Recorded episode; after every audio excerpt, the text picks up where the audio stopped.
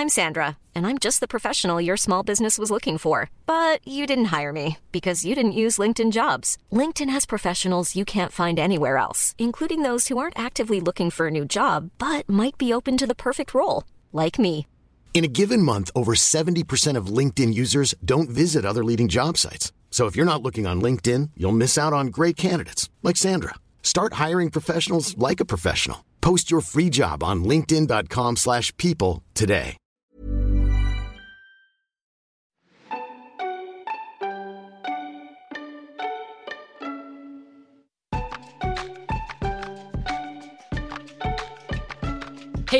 Och välkommen till det här lite kortare avsnittet av podden Så blir du influencer med mig, Emil Norberg. Ni som har lyssnat på det här ett tag vet att det här är ett så kallat utvecklingssamtal, ett kortare avsnitt där jag sammanfattar vad vi lärde oss i förra avsnittet och gör lite reflektioner om vad vi lärde oss och slutligen avslöjar hur det har gått för mig, alltså om jag har kommit något närmare på vägen att bli en influencer.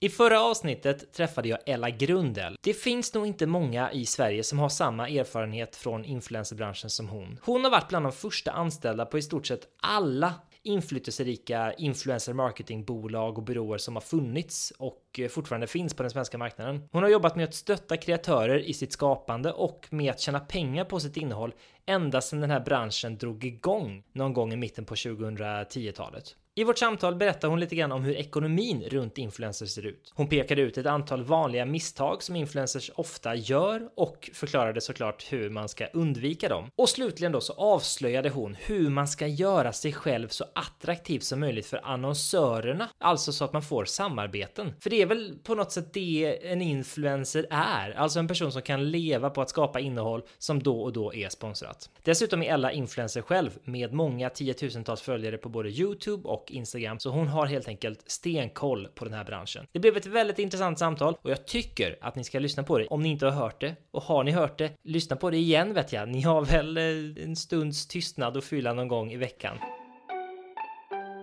Det finns en punkt från mitt och Ellas samtal som jag särskilt har burit med mig nu. Ella berättade nämligen att en av de viktigaste egenskaperna hos influencers som vill få samarbeten är att vara lätta att samarbeta med. Alltså inte som man kan tänka sig att ha flest följare, att vara det nya hetaste tillskottet i branschen just nu, inte att vara roligast eller störst eller ja, den som kan eh, äta starkast sås eller spendera längst tid sittandes i en låda eller vad man nu kan tävla i på Youtube. Nej, istället gäller det alltså att vara lätt att samarbeta med. Dels då att vara trevlig och professionell när man har kontakt med byråerna och dels att vara liksom men professionell och medgörlig i själva genomförandet av kampanjen. Alltså att man svarar på mail, man skriver på avtal, man skickar in utkast i tid och ser till att själva innehållet följer instruktionerna som eh, man har kommit överens om. Och jag tänker väl att jag genom åren har varit tillräckligt trevlig och artig och professionell, men jag vet att jag har faktiskt slarvat med mail, med avtal och utkast. Jag erkänner och inte minst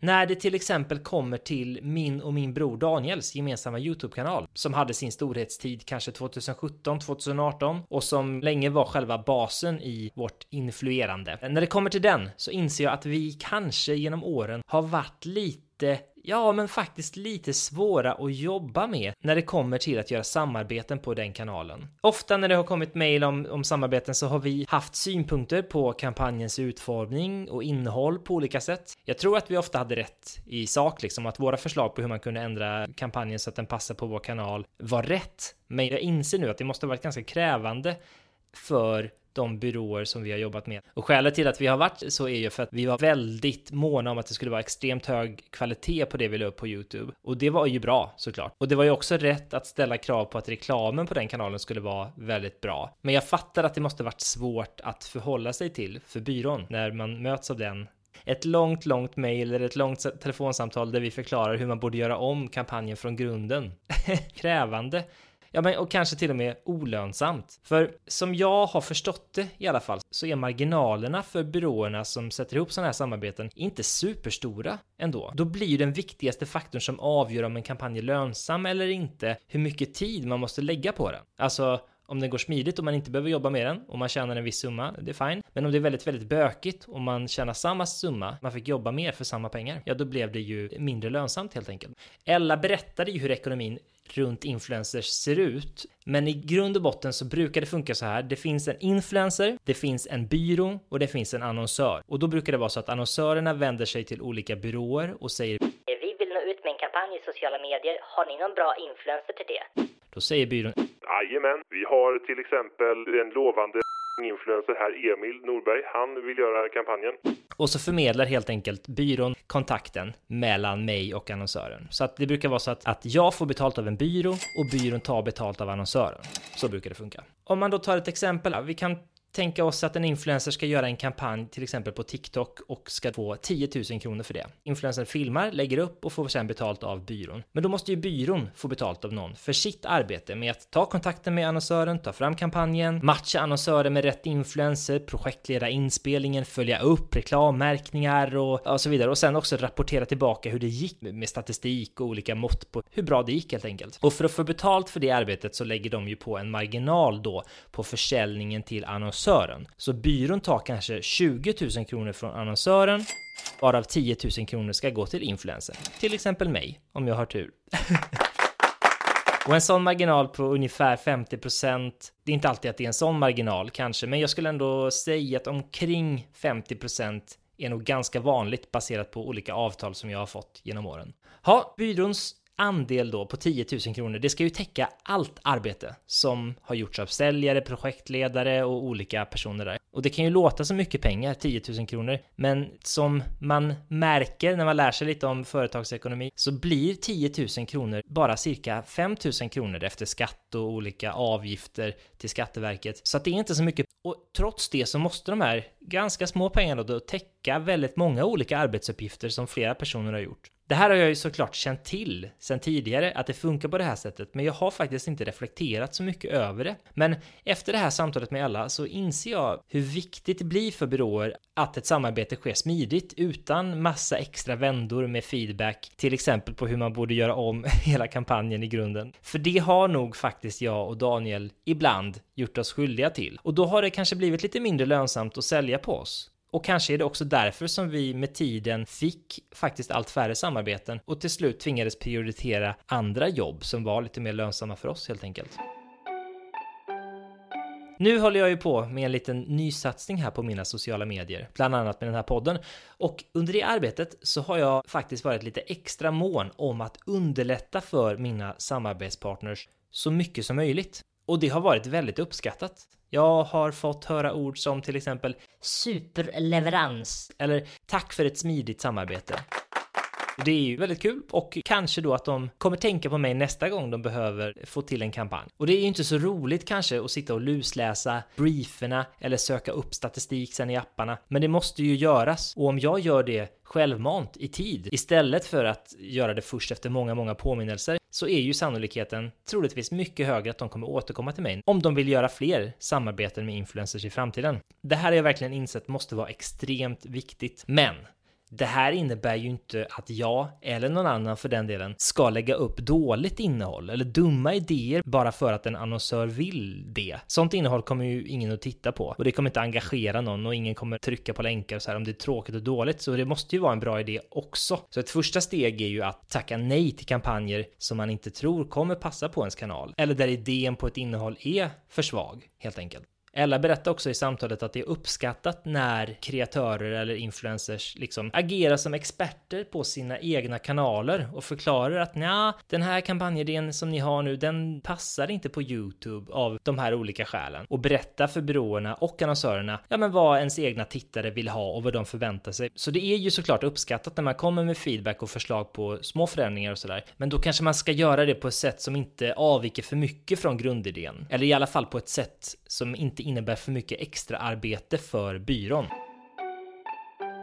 Men det här samtalet har också tvingat mig till fler små reflektioner och tankar. Ella berättar nämligen att hon och eh, hennes kollegor på byråsidan genom åren då lite grann har behövt utbilda annonsörerna i vad de kan förvänta sig för resultat av kampanjer. Från början så berättar hon att inställningen lite grann var att ja, men om vi nu lägger 20 000 på en TikTok-kampanj här, då vill vi ju också sälja mer produkter så att vi får in mer än de här 20 000 kronorna. Men som Ella säger så kan man inte riktigt utvärdera en kampanj så kortsiktigt. Man måste ha ett längre perspektiv. Och i det långa loppet så är det enligt Ella självklart att annonsörerna får en merförsäljning av att finnas i sociala medier. Men den här förvirringen kanske mest gällde när det var en helt ny bransch som man inte riktigt visste vad det skulle bli. Nu för tiden är det här säkert självklarheter för annonsörer. Men kanske borde man ta med sig det här även som influencer. När man gör en kampanj, å ena sidan blir man ju glad att man fått ett erbjudande som man tycker passar sina kanaler och att man ska få betalt för. Men å andra sidan så blir man ju lite nervös för hur det ska gå. Kommer man få så många visningar och likes och klick på länkar som man borde få eller som man tänker att annonsören förväntar sig? Och när man tycker att inlägget går sämre än det brukar eller så, då är det inte roligt. Då får man både skuldkänslor och magont och lös i magen och allt på en gång.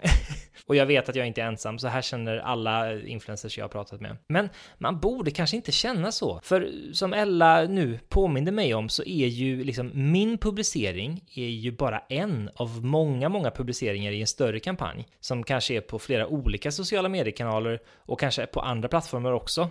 TV och i tidningar eller skyltar på stan. Och det är ju liksom utifrån en sån större kampanj som annonsören sen kommer utvärdera hur det har gått och inte främst på hur det gick för min post. Så man kanske ska ha det perspektivet lite att annonsören inte har gjort sig beroende av att det ska gå så bra det bara kan på just min kanal. Liksom, Kampanjen står och faller inte med att jag ska leverera på toppform. Och det kanske kan vara en liten betryggande tanke där att ja, det gick inte 100% som jag ville, men i men den större kampanjen kanske ändå kommer vara lyckad för annonsören. Annonsören vet att vissa nedslag kommer gå bättre än förväntat och andra kommer gå sämre än förväntat, men på det hela taget så kommer det vara en lönsam medieinvestering liksom. Och det kanske kan trösta en när man sitter där lös i magen och är stressad över de dåliga siffrorna. Hiring for your small business? If you're not looking for professionals on LinkedIn, you're looking in the wrong place. That's like looking for your car keys in a fish tank. LinkedIn helps you hire professionals you can't find anywhere else, even those who aren't actively searching for a new job but might be open to the perfect role. In a given month, over 70% of LinkedIn users don't even visit other leading job sites. So start looking in the right place. With LinkedIn, you can hire professionals like a professional. Post your free job on linkedin.com slash people today. There's never been a faster or easier way to start your weight loss journey than with PlushCare. PlushCare accepts most insurance plans and gives you online access to board-certified physicians who can prescribe FDA-approved weight loss medications like Wigovi and Zepbound for those who qualify. Take charge of your health and speak with a board-certified physician about a weight loss plan that's right for you. Get started today at plushcare.com slash weight loss. That's plushcare.com slash weight loss. plushcare.com slash weight loss. Oj, oj, oj vad jag har tänkt. Jaha, och hur har det då gått för mig den här veckan? Jo, men det har faktiskt gått väldigt bra. Jag har fortsatt publicera saker så ofta jag kan och då har jag försökt göra det på aktuella teman, saker som händer i eh, samhället, till exempel annonseringen av årets julklapp, att det var fars dag eller eh, att det var halloween och den typen. Och efter att ha testat de här tipsen som jag fått från olika personer i den här poddserien så har jag till slut kanske hittat ett format som verkar funka väldigt bra. Jag berättade ju förra veckan om den här halloween-sketchen jag gjorde, där jag spelar mig själv och två stycken barn som är väldigt politiskt korrekta och eh, moderna helt enkelt och som påminner mig som vuxen om hur samhället ser ut nu jämfört med när jag var liten då. Och nu gjorde jag en sån sketch också på Fars dag. Även den har gått väldigt bra. Halloween-sketchen har fått typ 1,2 miljoner visningar på TikTok, vilket är helt sjukt. Och Fars dag-sketchen då har fått eh, nästan 800 000. Så de har gått otroligt bra. Och även på Instagram har de fått över en halv miljon. Och tack vare de här två sketcherna har jag fått fler följare under veckan som har gått. Som jag nämnt i tidigare avsnitt så har jag normalt sett eh, minskat eller stått still i följarantal på Instagram. Men nu har jag för första gången på fem år eller någonting ökat i följare. Men det känns väldigt roligt. Det är inte många, men det är ett par hundra och eh, det är mer uppmuntrande än att se dem minska varje dag. Och det är lite konstigt ändå, för de här reelsen har ju nått ut till liksom en halv miljon personer typ. Då kan man tycka att man borde få fler prenumeranter efter med den räckvidden liksom. Alltså jag är inte missnöjd så, men jag bara tänker att om man når ut till så många borde man få fler prenumeranter. Men så verkar det inte riktigt funka på Instagram. Däremot har det varit lättare på TikTok. Där har som sagt eh, klippen fått nästan två miljoner visningar och eh, som följd av det så har jag fått 3000 nya följare jämfört med förra utvecklingssamtalet och det är ju faktiskt otroligt bra. Jag är väldigt eh, glad och nöjd över det. Så nu har jag 14 000 följare på TikTok. När jag berättade att jag skulle göra den här poddserien så blev jag intervjuad och då var det någon som frågade Men hur vet du om du blir en influencer? Ja, och då sa jag att jo, men om man har kanske 100 000 följare då får man väl ändå säga att man är en influencer. Så nu är jag alltså då, ja, 14% på den vägen. Det är ändå hyfsat bra efter bara 12-13 avsnitt. Det är i alla fall väldigt kul att det har gått så bra och det är på något sätt också ett bevis att det verkligen funkar det som de här personerna har sagt till mig. Att man måste fortsätta lägga ut, testa olika saker så kommer man hitta någonting. Inte ge upp för att enskilda inlägg går dåligt, utan var så konsekvent du kan, lägga ut så ofta du kan och eh, så kommer det gå bra. Det är synd att det skulle dröja så länge innan jag förstod det. Ja, nu ska jag sluta skryta och prata och eh, reflektera.